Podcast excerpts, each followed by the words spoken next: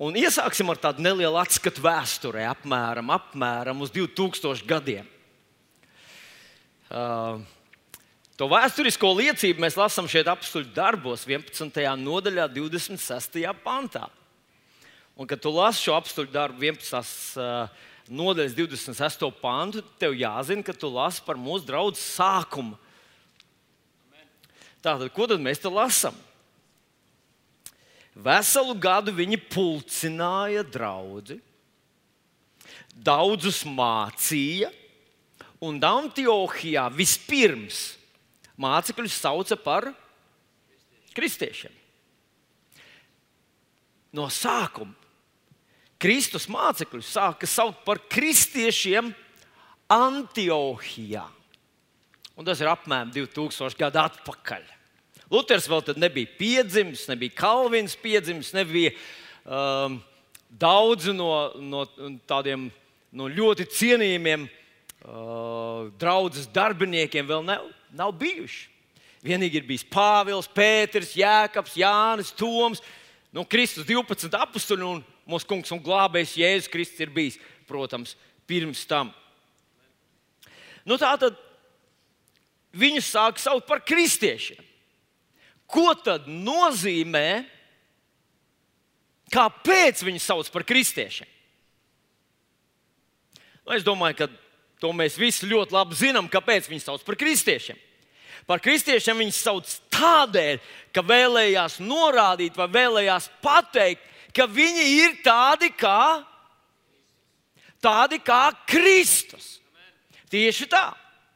Acīm redzot, vērojot šos cilvēkus no malas, Viņi teica, ka viņi ir tādi, kāds viņš.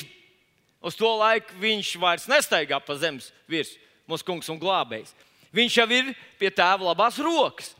Bet šeit pa šo zemi staigā cilvēki, līdzīgi tādi kā es, apģērbti drusku savādākās drēbēs, runāt savādākā, citādā valodā.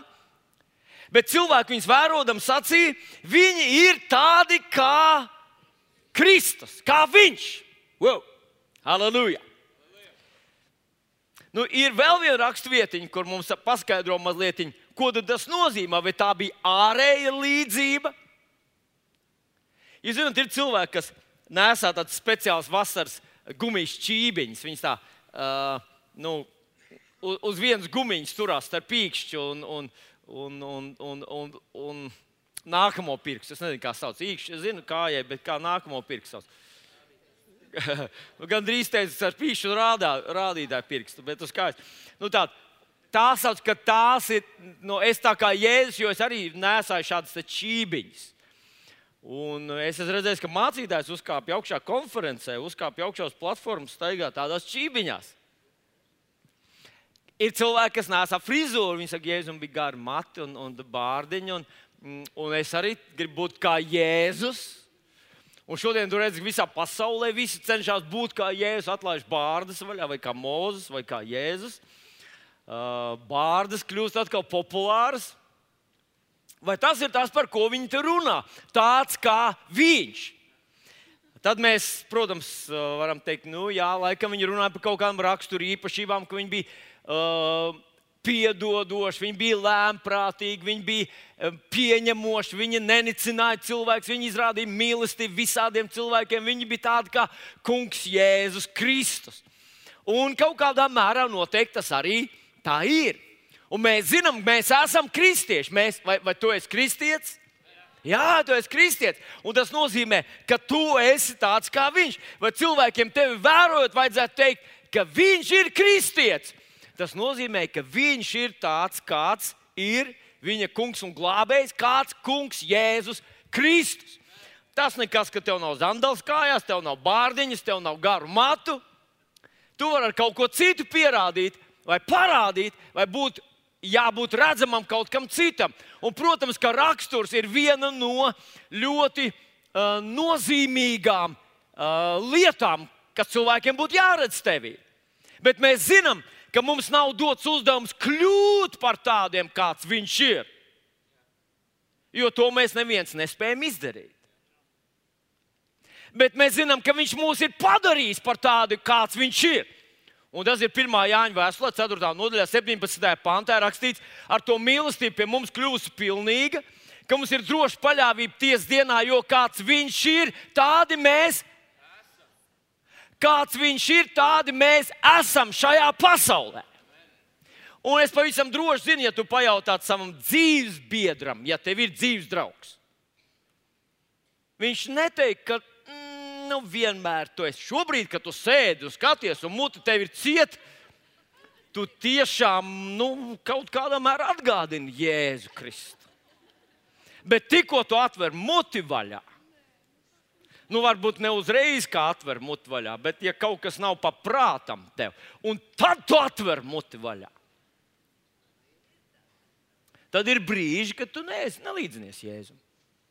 Bet mēs zinām, ka pēc savas fiziskās, savā fiziskajā miesā mums ir viss potenciāls dzīvot parasta grēcinieka dzīvi. Runāt grēcinieku vārdus, rādīt grēcinieku grimases, um, rīkoties kā grēcinieki rīkojas. Mums, vai mums ir šis potenciāls, kurš domā, ka viņam ir? Kurš domā, ka ir apdalīts, ka viņam vairs tādu potenciālu nav? Paceliet rokas. À, visi ir godīgi cilvēki. Jā, ļoti jauki. Bet tikpat liels potenciāls mūsos ir dzīvot kā Kristus. Un tas ir kur? Tas ir mūsu sirdī, mūsu garā.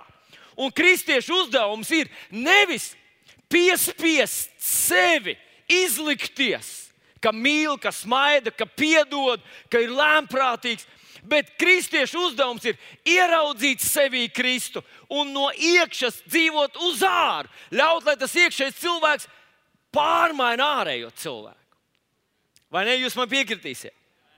Un tas ir ļoti svarīgs mūsu dzīves aspekts, bet par to mēs šodien nerunājam. Mēs runājam par kādu citu mūsu dzīves aspektu, un mēs runājam par to, ka Kristus, Kristus kad viņš bija šeit virs zemes, viņš, viņš iemiesoja daudz lietas, bet viņš iemiesoja Dieva pilnību, viņš iemiesoja Dieva varenību, Dieva spēku. Viņš bija tas, kurš parādīja ļoti daudz lietas, uh, kā, kāda arī mēs esam raugoties uz viņu, mēs zinām, kāds, kādiem mums jābūt.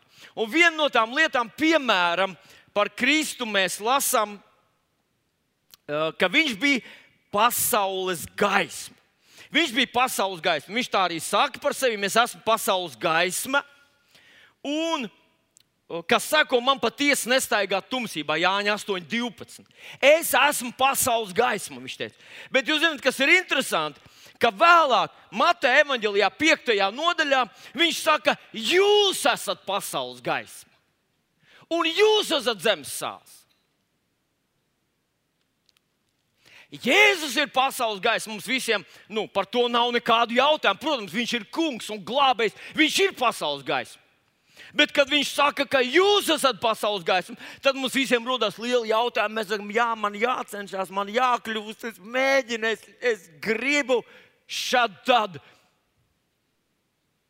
Bet uh, es nejūtos kā pasaules gaisma. Tad viņš saka, jūs esat zemes sāls. Halleluja!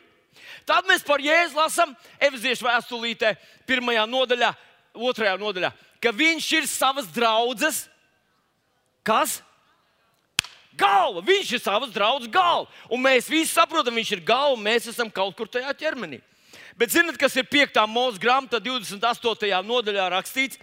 Tur ir rakstīts, ka ja mēs turēsim visus viņa paušļus, ja mēs darīsim visu to, ko viņš mums ir pavēlējis darīt, tad viņš saka, 13. pantā, es tevi darīšu par ko? Par galvu. Es tevi darīšu par galvu un ne par astu. Nu, pagaidi, pagaidi, pagaidi. Paga, vai Jēzus ir gaisma? Es esmu gaisma. Viņš ir galva.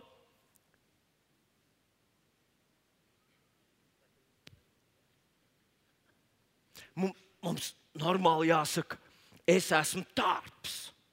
Viņš ir kungs.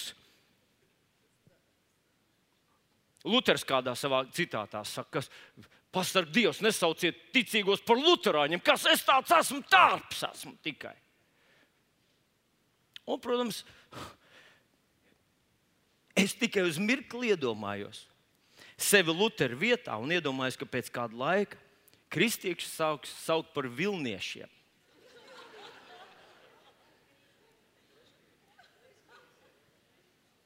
Ak, jā, par, par, par uzvārds. Viņam Mārtiņš viņam bija vārds, bet uzvārds ir par kleškiešiem. Es teiktu, pasarg Dievs, neienāk nevienam prātā kaut ko tādu darīt. Nedariet to, tas nav pareizi. Bet paklausieties, mīļie draugi. Ja mēs tā uzmanīgi paskatāmies uz to, ko Kristus par mums saka, ko Viņš saka, ko Viņš priekš mums, ar mums un mūsos ir izdarījis, tad mums atliek vai nu, vai nu tā tradicionāli raudzīties uz sevi caur šo te, nu, es, es ielikšu pēdiņās to nosaukumu, pazemības prizmu. Vai raudzīties uz sevi caur to, kā Kristus mūs ir nosaucis, kā Dieva vārds mūs ir nosaucis. Mēs esam ticīgie ne tāpēc, ka mēs uzticamies savām sajūtām. Tad mums būs jāsauc par sajūtiešiem. Nevis ticīgiem, bet jūtu cilvēkiem. Mēs esam tie, kas jūtamies, kad esam glābti, un nu vairs nejūtamies. Mēs jūtamies, ka varam liecināt, un nu vairs nejūtamies. Mēs, nu, mēs jūtamies, ka varam lūgt, un tagad nejūtamies, ka varam lūgt. Mēs nevainīgi staigāt augšā lejā, mūs saukt par nepastāvīgākiem cilvēkiem visā pasaulē. Ja mūs vadītu sajūtas, ja mēs uzticētos savām sajūtām, vai ne? Iebiks tam, kurš sēž tev blakus. Pasaki viņam, es ceru, ka tu neusticies savām sajūtām. Vai dieniņ? Ir cilvēki, kas stundas laikā var būt debesīs, un ellē, un atkal debesīs, un atkal ellē. Atšķirībā no tā, kas viņam ienāk prātā, sajūtas mētājās lēkā. Mēs esam cilvēki, kas tic, ticīgie mēs esam. Kam mēs ticam? Mēs ticam Jēzum Kristum, mēs ticam Dieva vārdam. Mēs uzticamies vārdam. Tāpēc mums nav šitie te, vai ne? Vai ir sajūta kādreiz, kad esam lejā? Ir? Kuram ir kādreiz bijusi sajūta, ka tu esi dubļos? Kuram ir bijis sajūta, ka tagad gan tu esi svaidīts? Vai tev ir bijis tāds brīdis, kad tu jūties, tagad ir, es pilnīgi jūtu, ak, kungs, kur ir slimie? Jūs ceļat rokas slimiem vai kas ir? Ah, ah, jūs esat. Paklausieties, un jūs esat tagad tajā. Jā, jā, atnāca! Halleluja! Kur ir slimie? Un ziniet, kas notiek? Un slimais ir. Un jūs te metaties viņam virsū, jūtot, ka nu jau gan kaut kas būs. Vai jums tā ir bijis, ka jūs jūtat, ka nu kaut kas būs, bet nekas nav? Jā, lai plūdz mūsu pasaulē. No mūsu sajūtām viņas nav nekāds garants. Viņas mums neko neiemāca, neko nenozīmē. Viņas pārceļās un krīt. Ja mēs uzticamies sajūtām, mēs esam ļoti lielā problēmā. Un tāpēc, mīļie draugi, es šodien jūs aicinu, mēs uzticētos tam, ko Dieva vārds par mums saka. Gribu atgādināt jums rakstvietiņu, kur mēs visi zinām no galvas, tā ir Romiešiem 8,28 un turpmākie panti. Un kas ir Romiešiem 8,28 rakstīts? Mēs to visi zinām no galvas. Mēs zinām, visi, kur ir tā, Romiešiem 8, 28, Jāņa 3, 16, Jāņa 16, 33. Un tā, tos visus mēs zinām no galvas, vai ne? Romiešiem 8, 28 ir rakstīts, un mēs zinām, ka tiem, kas Dievu mīlē, viņš, un es tur mazliet pakuriģēju, jo tur nav precīzi iztulkots, bet tā doma ir tāda. Un mēs zinām, ka tiem, kas Dievu mīlē, Viņš visas lietas izvada, pārvērš, izstrādā par labu. Vai ne? Tas nozīmē tā situācija, kurā tu šobrīd atrodies. Vai tā ir laba vai grūta situācija, vai tu jūties augšā vai apakšā? Ja tu mīli to kungu, Ja tu uzticies viņam kā savam dievam, savam glābējam, ja tu uzticies tam, ko viņš priekš tevis ir izdarījis, viņš šo situāciju izvērsīs par labu. Beigas būs labas. Aleluja! Es, es gribētu to salīdzināt ar dzemdībām. Jūs zināt, esmu piedzemdējis trīs bērnus.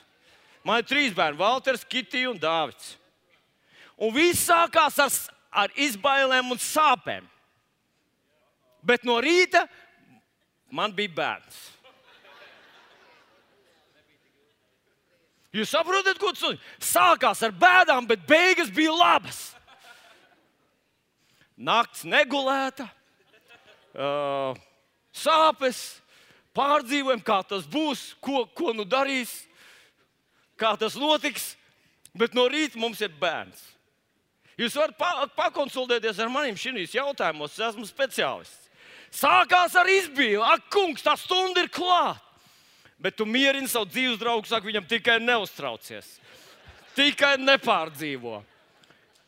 Paies dažas stundas, vai varbūt daudzas stundas, un mums būs bērns. Halleluja! Beigas būs labas. Tieši tāpat mums vajadzētu raudzīties uz situācijām, kuras mūsu dzīvē ir šobrīd, vai būs rīt, vai būs aizparīt. Un, protams, labām situācijām mēs visi zinām, ka labai situācijai beigas būs labas. Bet tad, kad ir grūtas, smagas situācijas, tad mums vajadzētu apzināties, ka mēs mīlam Dievu, mēs viņam uzticamies, un Viņš to situāciju izvērsīs tā, ka no rīta mums būs bērns. Halleluja! Nu, es nerunāju par fiz, fizisku, burtisku bērnu, bet es runāju par, par kaut ko labu, kas no tās situācijas iznāks. Jēzus vārdā. Bet tagad mēs paturpinām tālāk, kas tur rakstīts. Kāpēc viņš visu vērsīs par labu? Tāpēc, ka tie pēc viņa mūžīgā nodoma ir aicināti. Mēs ar tevi esam aicināti pēc Dieva mūžīgā nodoma. Viņam bija plānošanas sapulcs debesīs, un pats Dievs tas kungs. Šobrīd es nerunāju par kādu uh, cilvēku, kurš ir, ziniet, talantīgs visā stratēģijā un plānošanā. Pats Dievs tas kungs sastādīja plānus un teica, ka es gribu šo bērnu. Es gribu vilni, un es viņu izvedīšu cauri visai viņa dzīvei. Un es viņam palīdzēšu visās viņa grūtajās situācijās. Pēc viņa mūžīgā nodoma es esmu aicināts tieši tāpat kā tu. Un tad tālāk ir teikt tādu vārdu. Jo kurus viņš sākumā nozīmēs, tos viņš nolēms darīt līdzīgus sava dēla tēlam, 30. pāns. Lai viņš būtu pirmdzimušais vai pirmais daudz brāļu un māsu starpā. Un te atkal ir burtiski pateikt tā doma, ka mēs esam izredzēti, lai mēs būtu Kunga Jēzus Kristus brāļi un māsas. Viņš mums ir devis savu dēla garu, Romiešiem 8,15. Viņš mums ir devis savu dēla garu mūsu sirdīs, kas mums liek saukt tēti. Tēvs, Jēzus raugoties uz debesīm, teica, mans tēvs, viņš teica, tēvs, un šis pats gars ir iedots mums ar tevi, lai mēs varētu paskatīties uz debesīm un nevis ar bailēm un, necie, un, un, un, un vainas apziņu teikt, ak, Dievs, es esmu tārps. Nē, mēs sakam, tēvs. Un tas nav lepnums. Tā ir pazemība. Ziniet, kas ir pazemības augstākā forma? Es to nekur neesmu dzirdējis. Tas vienā dienā atnāca manā sirdī, ka pazemības augstākā forma ir uzticēties Kristus vārdam un dzīvot ticībā tam, kā ir rakstīts. Viss cits ir kaut kas, ir uh, došanās prom no pazemības līdz pat lepnumam. Lepnumam ir teikt, nē, nē, tā nav kā Jēzus teica. Ir tā, kā es sajūtos, ir tā, kā sacīja kāds cits. Tas ir lepnums. Bet pazemība ir teikt, ir tā, kā tu sacīji. Kāds viņš ir, tāds es esmu šajā pasaulē. Un tas ir, tas ir tik drosmīgs, tik spēcīgs, tik vienreizē atbildību uzliekošs apgalvojums, ka to ir ļoti grūti pat uzreiz ieraudzīt, cik daudz tajā ir. Kas turpinās tālāk, 31. pāns, Romiešiem 8,30. Mēs 28. iesākām, bijām 30. un gribu pateikt vārdus, kas uzrakstīti 31. pāntā. Un 31. pāntā ir rakstīti tādi vārdi: Ko nu sacīsim par visu to, ja Dievs par mums? Ja Dievs par mums, vai tu zini, ka Dievs ir par tevīm? Teiksim, tu būtu futbola laukumā, tu spēlē futbola laukumā. Un ir grūta spēle. Tu paskaties uz tribīnēm, un kas tur sēž? Tur sēž pāris miljonu eņģeļu, un tur sēž trīsvienība. un viņi ir par tevi. Viņi tev atbalsta. Viņi saka, mēs tev sagatavojam, mēs tev trenējam. Atcerieties, mums nu pat bija vārds Līga runāja par svēto garu kā treneru. Tev ir iedots, pielieto to, kas tev ir. Nevis domā, ka tev nav, vai tu neesi gatavs šim mačam. Bet viņš saka, nē, tu esi sagatavots, tev ir iedots. Mēs bijām paredzējuši šo situāciju. Lieto to, kas tev ir. Ienaidnieks, ja tu atrodies, un es runāju, varbūt futbola mačā, varbūt to tā nevar manīt, bet, teiksim, boč, boksa mačā, kad tev slāņi un sit no visām pusēm. Ienaidnieks cenšas tev pierādīt, ka tu neesi gatavs šai cīņai. Bet tavs treneris tev nosaka, loks, stūra kliedz. Šo mēs apstrādājām, šo mēs ap iemācījāmies. Šis tev ir, pielieto to. Un tas kopā ir salikts šajā apgalvojumā, kāds viņš ir, tādi mēs esam šajā pasaulē. Šajā pasaulē šajā ļaunajā pasaulē, šajā stundā, kurā mēs šobrīd esam. Ar visiem tiem izaicinājumiem, ar visām tām cenām, ar visiem tiem cilvēku attieksmēm, ar visām tām slimībām, ar visu to globalizāciju, ar visu to pasaules problēmām, ar visu terorismu. Kāds viņš ir, tādi mēs esam šeit. Un tad viņš saka, ja Dievs par tevi, kas būs pret tevi? Man prasās tā kā es esmu tāds izglītots kristietis. Un es zinu, ka mūsu cīņa nav pret miesu un asinīm. Ar tiem mēs tiktu galā. Pareizi? Ko? Ja mūsu cīņa būtu pret miesu un asinīm, vai mēs tiktu galā? Mums nav pietiekami garas rokas un cietas dūris, lai mēs tiktu galā. Ko? Vai mēs varētu, nu, vismaz dažiem tu tiktu galā? Vismaz ar dažiem tiktu galā. Pagaidām, man daži darbiedri, es ar viņiem tiktu galā. Ja mūsu cīņa būtu pret miesu un asinīm, ak, Dievs! Mēs mācītos konkrēts paņēmiens. Mācītos sitienu, mēs mācītos no augšas, mācītos uzmest un žņot. Pareizi. Būtu praktisks nodarbības dievkalpojumā mums. Kā tikt galā ar tiem, kas ir miesa un asins? Nu, es par to, ka šķiet, ka ar miesu un asinīm ir vieglāk tikt galā, bet viņš ir mūsu cīņa. Bet pret ļauniem gariem, un valdībām, un spēkiem un kundzībām. Ak, Dievs! Paldies Dievam, ka Latvijā ļoti maz to dēmonu, pareizi. Bet, ja kāds tev ceļā trāpās, tad vai dieniņ. Jāsauc ir mācītājs. Viņš brauc ar svēto ūdeni un krustu un palīdz man, jo mūsu cīņa ir.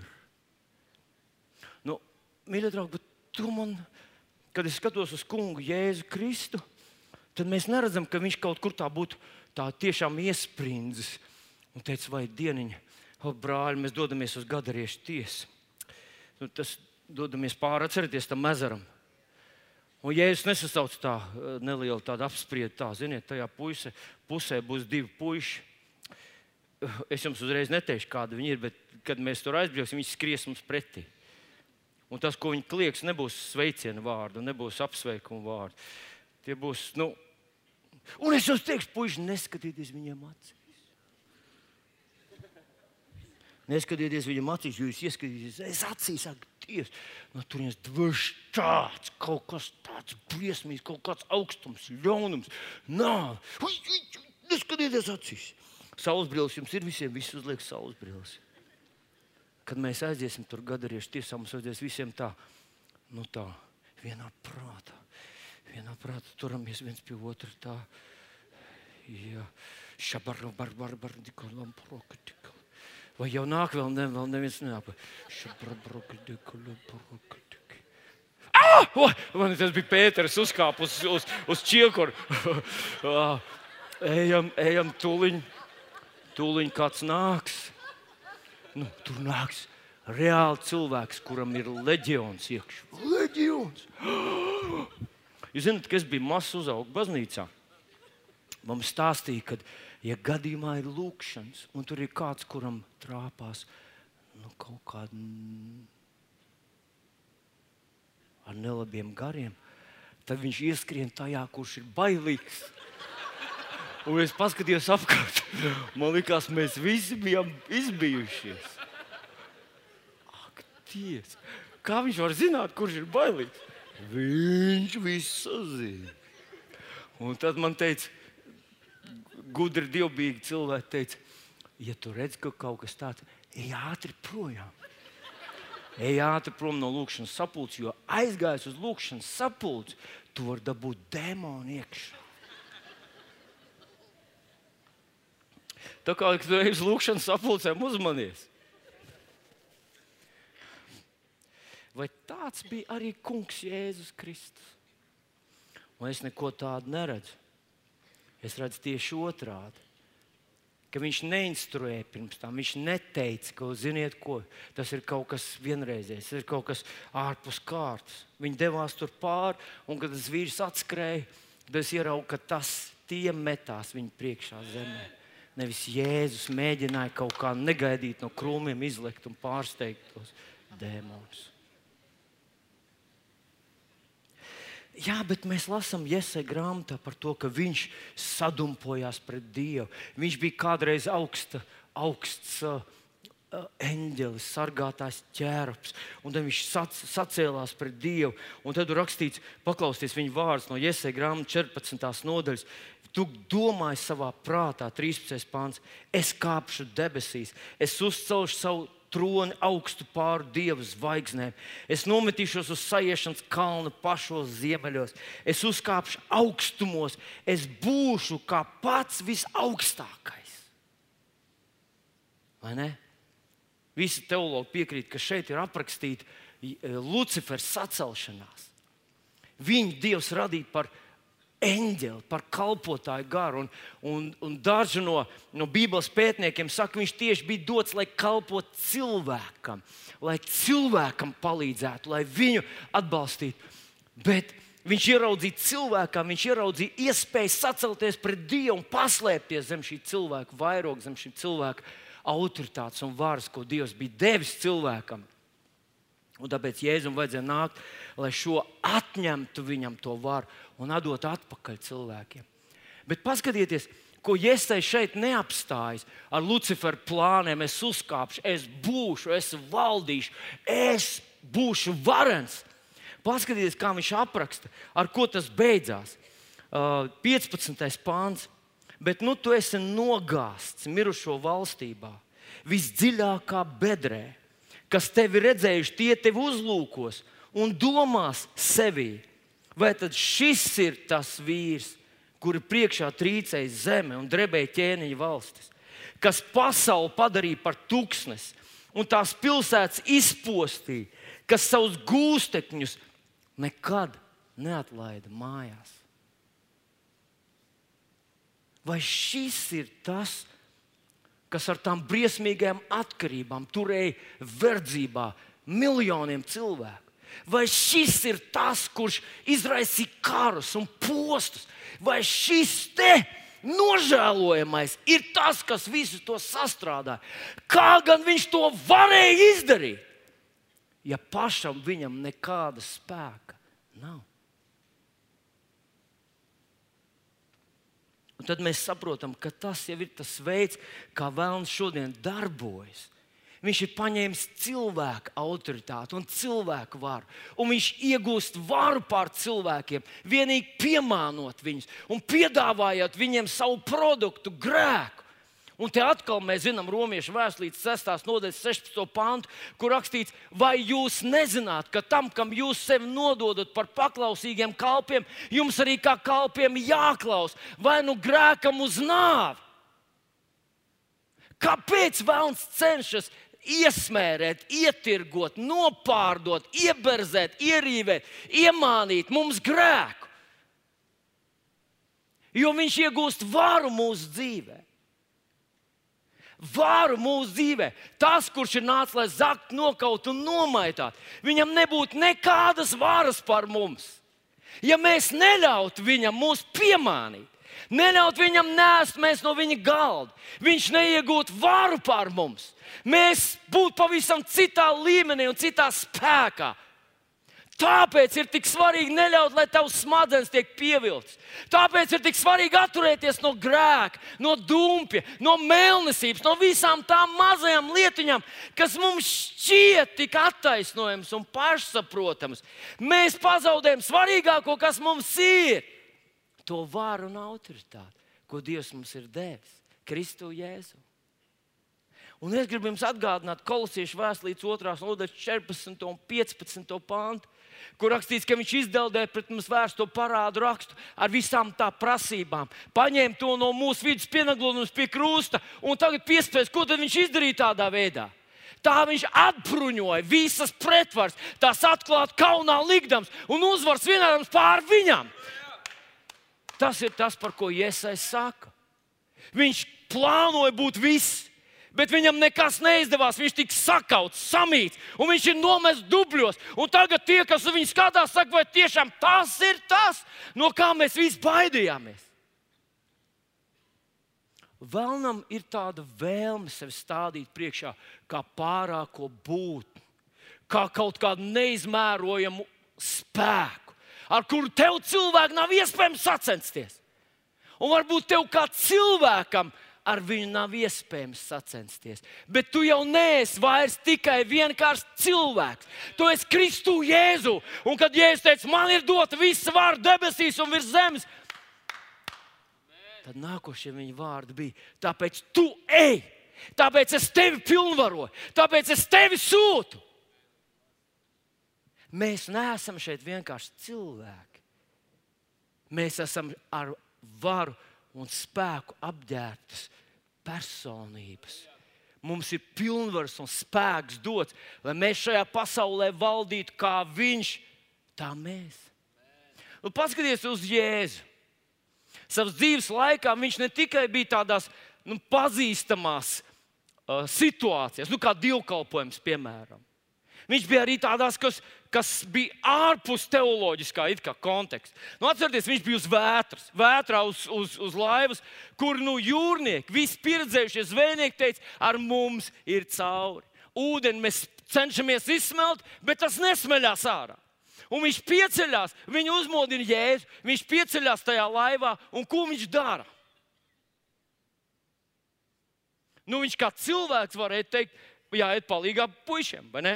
Vēl vienas rokas, smēlēs, airētājs un noturēt to laivu pret, pret, uh, pret vilni, lai nesmeļās iekšā. To es ticu, esmu pārliecināts, ka Jēzus nebija baltrocīts. Viņš nebija, kurš teica, uh, nu, katram savs pienākums. Ja. Es miršu, bet uh, neairēšu. Viņš tāds nebija, jo viņš kājas mazgāja mācekļiem. Viņš teica, ka viņš, viņš nebaidās no pazemoties. Bet viņš nostājās tajā situācijā un pielietoja to, ko mēs saucam par vāru. Viņš teica, vētrai, vējam, viņš pavēlēja apklust, un viņš teica, viņiem klusu mierā. Vai tu un es to esam darījuši? Jāsaka, ka es esmu. Es esmu kādreiz lietus līst, un es atcerējos šo pantu. Un es paskatījos uz debesīm un teicu, tā, paklausies, es ar tevi runāju. Halo! Paskaties uz mani, es tev tas apstājies! Saistē! Ko jūs domājat? Lietas līst. Ar visu to nepaklausa. Nu? Un tad man ienāca prātā, ka tas lietas sākās diezgan augstu. Un kad es viņu aizliedzu, viņš jau bija izkritis. Tas tā kā ar grūtniecību, kas sākās pirmajā mēnesī, jau bērniņš ir, tad tu saki, tā, tagad būs meitenīte tur. Un pēc tam tu pārdomā un saki, nē, tomēr mums vajadzēs zēnu Jēzus vārdā.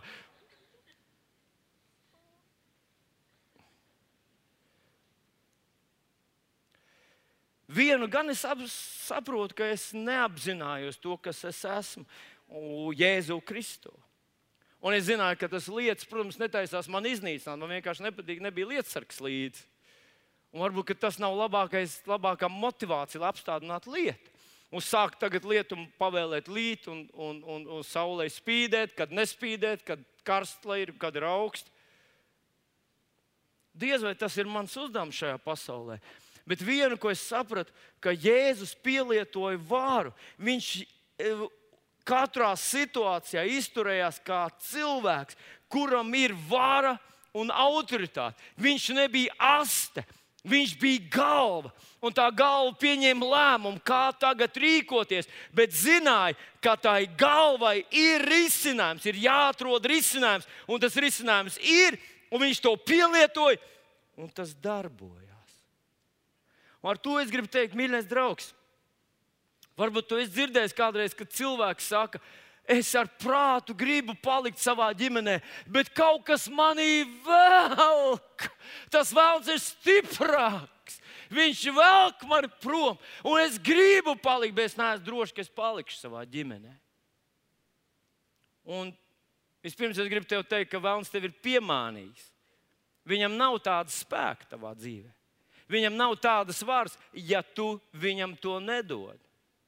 Un ja tu savā domās, tu klausies viņa saldās runas, ja tu skaties uz ainām, kuras viņš zīmē, ja tu padodies vēlnam, tad viņš iegūst varu pār tevi, un tad viņš tev aizvilks. Ja tu savā dvēselē nesā slepkavības ainiņas un visu laiku viņas izspēlē, tad iespējams, ka vienā dienā tu to slepkavību arī izdarīsi.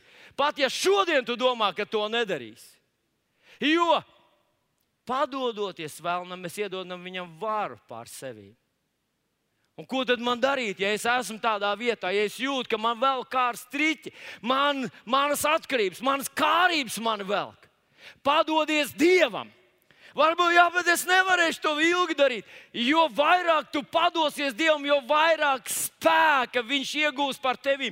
Un tu tādā vietā nonāksi tādā vietā, ka tu nemaz nespēsi. Pat ja gribētu šodien izdarīt grēku, nespēsi to izdarīt. Atkal, ja tu sāksi padoties vēlnam, tad viņš iegūs varu un vajadzēs kādu laiku, un viņš tev aizvilks uz turieni. Bet, ja tu viņam nedos iespēju, ja tu neklausīsies viņa melus, ja tu nēdīsi no viņa galda, viņam nebūs varas pār tevi, bet tev būs vara pār viņu. Un es gribu atgādināt, ko apustulis, ko mūsu kungs un pestītājs sacīja Lūkas evanģēlijā, 9. nodaļā, no 1 līdz 4 pantam, ir uzrakstīti tādi vārdi. Sasauc savus 12 mācekļus, viņš tiem deva spēku un varu pār visiem ļauniem gariem un dziedināt sērgas. Sasauc savus 12 mācekļus. Viņš tiem deva varu pār visiem ļauniem gariem. Viņš tiem deva spēku un varu. Viņš tiem deva spēku un varu. Mīļie draugi, ir konfesijas, kuras saka tā, ka līdz ar apstuļiem nomira visi tie, kuriem Dievs ir devis šo spēku un varu. Viss, kas mums ir palicis, tās ir vēstures grāmatas, mēs lasām par viņa lielajiem darbiem, bet mums tā visa vairs nav. Es domāju, ka tad būtu pilnīgi ģeķīgi to rakstīt šeit tad es nevaru saprast, kāpēc tik daudzās vietās tas ir uzsvērts. Ka mēs esam viņa mācekļi, mēs esam kristieši, kāds viņš ir, tādi mēs esam. Kāpēc viņš mums deva šos visus ieročus? Un Jēkabs rakstīja savā vēstulītē, lai mēs padodamies Dievam un stājamies pretī vēlnam. Un viņš bēg no mums. Tas ir priekš tevis un manis šodien. Mēs varam nostāties pretī vēlnam un viņam no mums ir jābēg, jo Dievs ir devis šo varu mums ar tevi. Jā, grēcīgais Ādams to pazaudēja, bet Kristus to atguva. Kristus viņu sakāva, publiski lika kaunā, atņēma viņam viņa varu, atņēma viņam viņa spēku. Viss spēks, kas vēlnam šodien ir, tavā dzīvē, ir tas, ko tu labprātīgi viņam piešķir, kur tu samierinies kur tu uzskati, ka tu esi tu tikai, un tev jau nav nekā.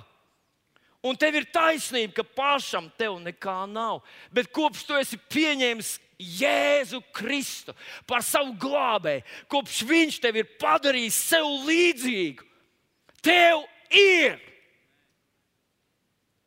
Tev ir nostāties, vara nostāties pretī nāvei un varai. Un gribu atgādināt teikumu, kur Līguma šodien pieminēja par to, ka viena rīcība ir svarīgāka par daudzām, daudzām vēlmēm, daudzām sajūtām un daudzām, daudzām visādām mainiņām, kuras tu grozi savā galvā. Es gribu atgādināt, ka Dievs vāru šajā pasaulē deva cilvēkiem, kas ir ķermenī, kas ir miesā. Apsūs Pāvils par savu kalpošanu. Viņš saka, ka man jau gribētos iet projām, bet jūsu dēļ ir svarīgāk, ka palieku vēl miesā. Filipiešu vēstulīte, pirmā nodaļa. Viņš saka, tā, dzīvot man ir Kristus, mirt ieguvums, bet, ja dzīvot miesā, man ir darba auglis, tad es nezinu, ko lai izvēlos. Dzīvot miesā ir tikai tā vienīgā iespēja, kurā mēs varam pielietot šo dievu varu un autoritāti un spēku. Tieši tas, ka mēs esam savā ķermenī, ka mēs esam šajā fiziskajā ķermenī, dod mums pilnvaru šajā pasaulē, kā kristiešiem, kā dievu bērniem, rīkoties. Tas nevis samazina mūsu pilnvaru, bet palielina. Pāvils saka, tad, kad es aiziešu no šejienes prom, vairs nevarēšu strādāt. Un zinat, ko paradoxāli? Bet šodien tu ietekmē pasauli vairāk nekā to dara apustulis Pāvils. Lai gan viņš ir tas pats Pāvils šodien, tikai nav miesā vairs. Šajā pasaulē viņš vairs nedarbojas, bet tu un es, mēs esam šajā pasaulē. Līdzīgi kungs Jēzus sacīja ebreju vēstulītē, 10. nodaļā rakstīts, pasaulē ienākdams, viņš saka, upurus un dāvanas tu neesi gribējis, bet miesu tu man radīji. Jēzus varēja atkarot to varu un autoritāti, varēja atdot mums to atpakaļ, varēja darboties tajā. Kaut gan viņš ir Jēzus Kristus vakar un šodien tas pats un mūžīgi, viņš varēja to izdarīt vienīgi tajā laikā, kad bija savā ķermenī, miesā.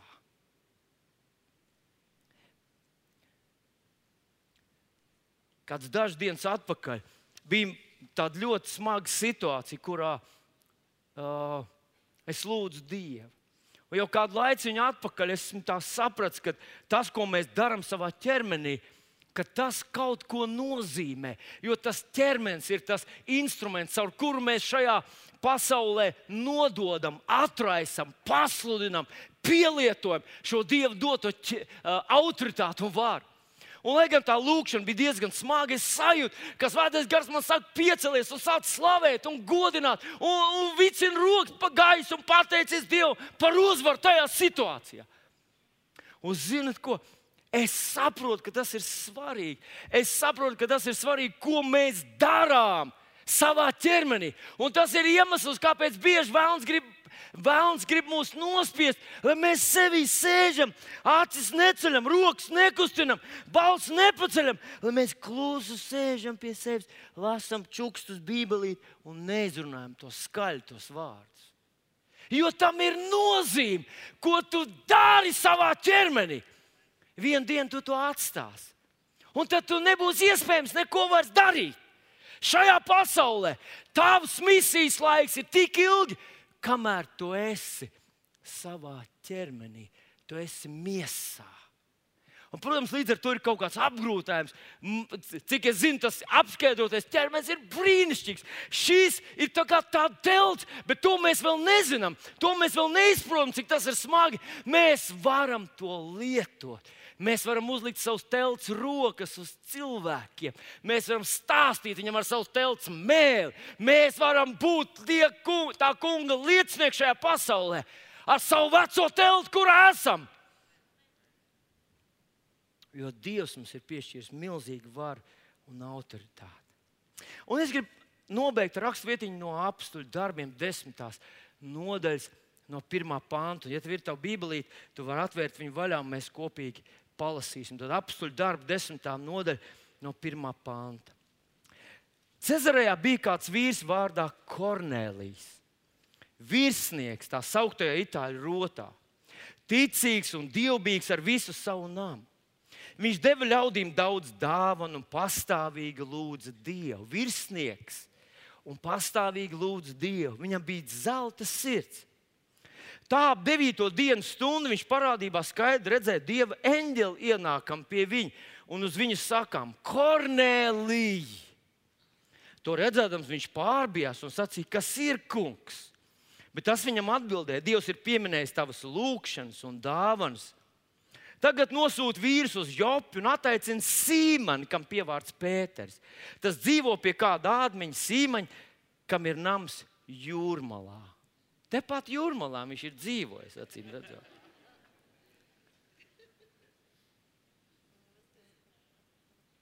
Tagad paskatieties, brāļi māsas, uz šo situāciju.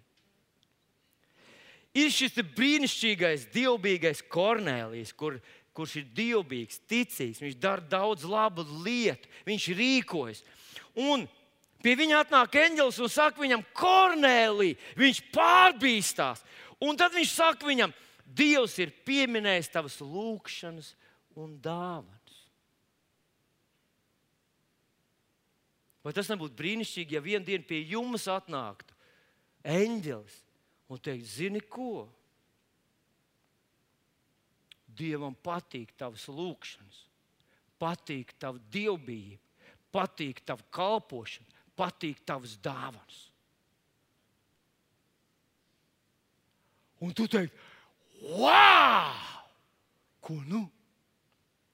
Un tad viņš teiks, tu zini, tur jūrmalā Jop, Jopē, jā, uz Jopi. Aizsūta uz Jopu un attaicina, nosauc viņu par Alfrēdu. Ko? Paklausieties, draugi. Tas bija divu dienu ceļš uz Jopi un divu dienu ceļš atpakaļ. Kāpēc tas eņģelis pats nepasludināja? evaņģēli. Tam vajag tikai vienu vienīgu minūti. Un eņģeļa izpildījumā tas vēl būtu pusminūtē izdarāms. Kāpēc? Ko? Eņģelis nezināja to dialektu. Tur. Viņam nebija laika, viņš steidzās uz nākošo adresi. Kāpēc eņģelis nepasludināja evaņģēliju viņam tur? Kāpēc eņģelis? Ziniet, mūs, mūs kādreiz, mūsu sapņos kādreiz rodas tādas, tādas dievbijīgas atklāsmes, vīzijas. Tu esi savā mājā, tu lūdz pēc dziedināšanas, un tur redz eņģelis atnāk pie tevis. Un eņģelis saka, tas kungs ir uzlūkojis tavas lūgšanas un tavas dāvanas. Kur tev tā slimā vieta? Un tu viņam uzreiz, es visu esmu slims. Lūdzu, uzliec rokas visur, visur mīļo eņģeli. Sāc ar matu galiem un tad tā. Un te, te vairāk padarbojies mazliet. Un tā vietā, lai tas eņģelis tagad viņam izstāstītu evaņģēlīju vēstu. Viņš saka, ej, divas dienas aizsūtu kalpus turien, pēc, div, pēc četrām dienām viņš būs klāt. Un tad tas Pēters pastāstīs. Tev. Kāpēc tas tā ir? Kāpēc viņš tā dara?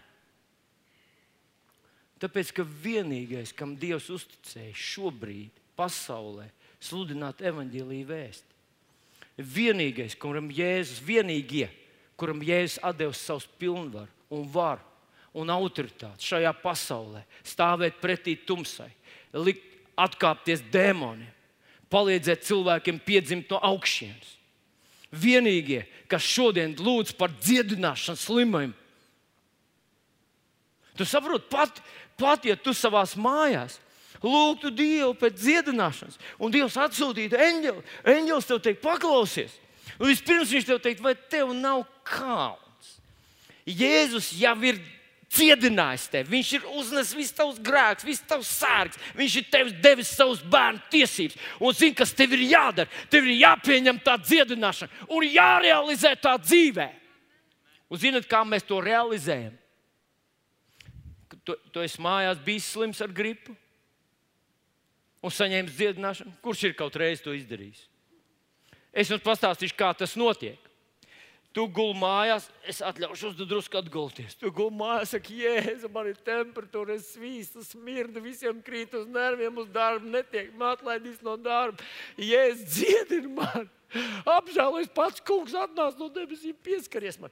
Tie ir tie, kam pilns kas ir pilni ticības. Tie saka, tā, kungs pats nāca, sūta nevienu eņģeli, nevienu vairs negrib redzēt, es gribu, lai tu pats nāc.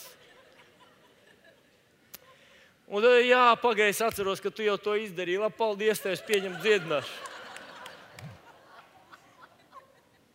Ja jūs tā darat, ar jums nekas nenotiek. Jā, paldies, tev es esmu dziedināts. Sieva atnes aspirīnu. Ai, es esmu dziedināts, jūtu, ka temperatūra ceļās atkal. Es esmu dziedināts, vai cik labi. Jūs zināt, es biju aizbraucis, viens cilvēks zvanīja man, lai es atbraucu, nu, ka viņam vajag dziedināšanu. Nu, es aizbraucu pie tā cilvēka uz māju. Viņam bija gulta. Un pusmetru no gultas milzīgs televizors, gāja pilnā jaudā. Un viņš tur guļ un saka, jā, mācītāji, man vajag dziedināšanu. Es jau slimoju jau tik ilgi. un tur gāja kaut kāds no seriāliem, tur Marija Bēdīgā vai kaut kas tāds. Un te es sēžu blakus televizoram, un mēs uz pārmaiņas viņu dalot uzmanību. Es negribu palaist tur garām, tur šobrīd notiek. Nu. Jūs dariet savu darbu. Ja tā, tu saņem dziedināšanu, tad, protams, jā, vēl ilgi tu ņemsi, saņemsi tas garais, garais variants. Bet, ja tu Un te es runāju nevis par imitāciju, nevis par kaut ko atdarināšanu, nevis par kaut kādu metodi. Vismaz manā dzīvē tas ir tā. Tad es svempjos, tas tāds grieķu vārds atkal. Izlien ārā no gultas, viss limst galva.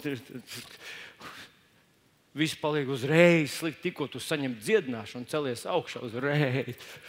Un tev nāk viss at, at, atmiņā, visi stāsti par tiem, kas piecēlās no gripas, un viņam sāk komplikācijas uz ausīm, un tur citam tur bija tas, citam tur līdzsvaru problēmas visu dzīvi. Un tur viss, vai tieniņi, gripa nogalinājusi tik daudz cilvēku. Bet tu lien ārā un saki, kungs, paldies tev par dziedināšanu. Halleluja! Tas vīzdams Un vēl viss kaut ko darīdams, staigā apkārt pa istabu, pateicies tam kungam, cilā rokas. Un tā tālāk, sieva saka, ej, taču atpakaļ istabā, ne, neizplat vīrusu te pa visu māju, mēs negribam visi slimot. Un te ieslēdz istabā, un tu viens pats pa savu istabu ar vīrusiem tur viņu svēdinādams, tu saki, slava tev, Jēzus, slava tev, kungs, par glābšanu. Es nepārmetu neko savai sievai. Tas ļoti gudrs gājiens, starp citu. Ja tu saņem dziedināšanu, tad dari to tur viens pats savā istabā. Nevajag visiem mums pūst virsū savu, savu spēku. Jo tev visu to vienam vajadzēs. Un tu staigā par to istabu. Un tev liekas, ka nekas nepaliek, paliek tikai sliktāk. Tas tavs sajūts. Bet redz, ka tu sāc to savu ķermeni, ar kur vienīgo šajā pasaulē tu darbojies Tu sāc viņu pasludināt, sludināt, manifestēt. Tu sāc viņu kustināt, paklausībā Dieva vārdam. Kaut kas sāk notikt. Es nesaku uzreiz, es nesaku, ka tas ir viegli, es nesaku, ka tā ir metode un recepte. Bet es saku, ka ja tu uzticies kungam, Jēzum Kristum, ja tu tici, ka viņš ir tavs dziedinātājs, tad tas ir veids, kā to darīt. Jēzus vārdā.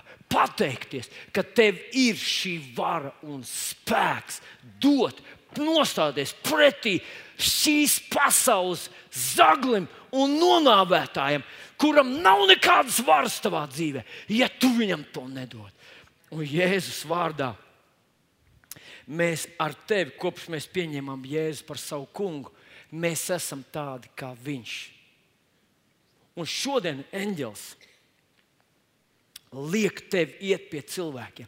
Viņš vairs neiet pie Kornelija un nesaka, aizej un atcaucina Līgu, atteicina Olitu, atteicina Andru, atteicina Ojāru, atteicina tur kādu. Bet viņš saka, tev, ej tu pie Andra, ej tu pie Olītas, ej tu pie uh, saviem paziņām, pasludini viņiem evaņģēlī, jo citādi viņi nekādīgi neatgriezīsies. Tu vari lūgt, tu vari gavēt, tu vari visu ko darīt, bet ja tu neiesaistīsi viņa sirdī dzīvo Dieva vārdu, viņš neatgriezīsies un netaps glābts. Un es gribu teikt, runājot par to, ka mēs esam pasaules gaisma un zemes sāls. Dieva mērogs ir tik ļoti liels, un mums ir veids, kā ietekmēt, izmainīt Eiropu, izmainīt savu Latviju. Un tas veids ir pasludināt evaņģēliju. Pasludināt evaņģēliju. Tu nekad nevari zināt, kas notiek ar to cilvēku, kuram tu sirdī iesēji dieva vārdu. Varbūt viņš kļū, rīt kļūs par banķieru, varbūt par premjerministru, varbūt viņš rīt kļūs par Eiropas kādu no deputātiem, un tad viņš stāv par patiesību. Un, zinot, es biju nu pat Eiropas Savienībā un redzēju, triju valstu pārstāvis, kas ir aktīvi kristieši un kas tur aizstāv Izraelu un aizstāv Dieva plānus un aizstāv un saka, nekaunās no tā. Saka, Jā, es esmu ticīgs cilvēks, bet es skatos arī juridiskos aspektus. Tāpēc es saku, ka tā ir pareizi rīkoties. Un es saprotu, kāds viņam pasludināja evaņģēlīju. Un tagad viņš tur dara to, ko tas kāds nekad nebūtu varējis izdarīt bet tas kāds nebaidījās. Neteica, ko tad es, lai jau Dievs sūta eņģeli, jo Dievs nevar sūtīt eņģeli, Viņš sūta tevi.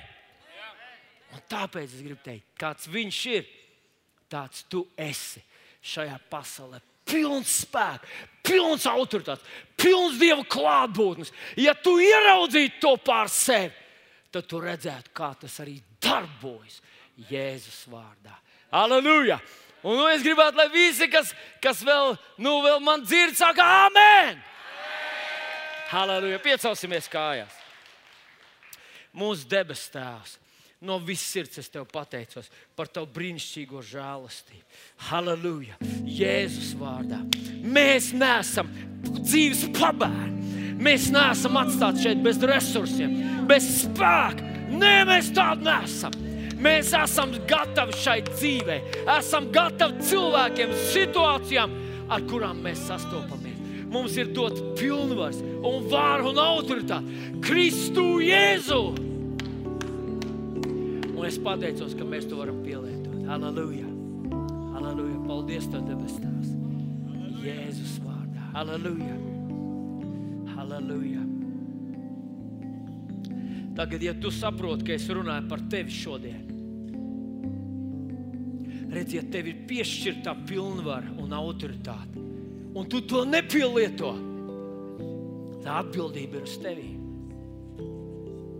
Un es uz sevi skatoties, redzu, ka ir brīži, kad es esmu vilcinājis, vai man nav līdzies, vai man nav gribējies, vai es biju aizņemts ar kaut ko un es nepielietoju to autoritāti. Es nepasludināju, kas notiks, kur mēs ejam, ko mēs darām. Nepateicu ienaidniekam, ka viņam nav daļas manā dzīvē. Es vienkārši nu, noluņoju, kā, kā grieķis saka. Nu, nočamājos. Un tad manā dzīvē atnāca situācijas. Bet es to negribu vairs darīt. Es gribu pielietot tā kungu varu un autoritāti.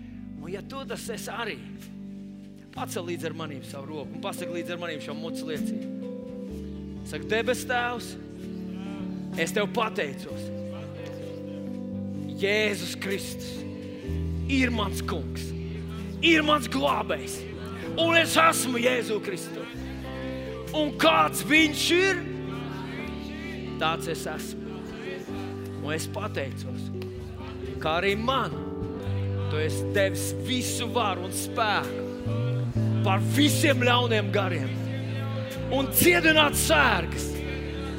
Jo es esmu tavs liecinieks, tava liecība, tava metode, tavs pārstāvis šajā pasaulē. Paldies, tev, ka es to varu darīt. Jēzus vārdā. Paldies, Tev, debes Tēvs. Es tev pateicos, kungs, ka mēs to varam pielietot savā darbā, darbā, savā ikdienā, savā ģimenes dzīvē, savā paša dzīvē. Padoties tev un stāvēt pretī vēlnam. Paldies, Tev, Tēvs! Jēzus vārdā mēs godinām Tev no visas, visas savas sirds.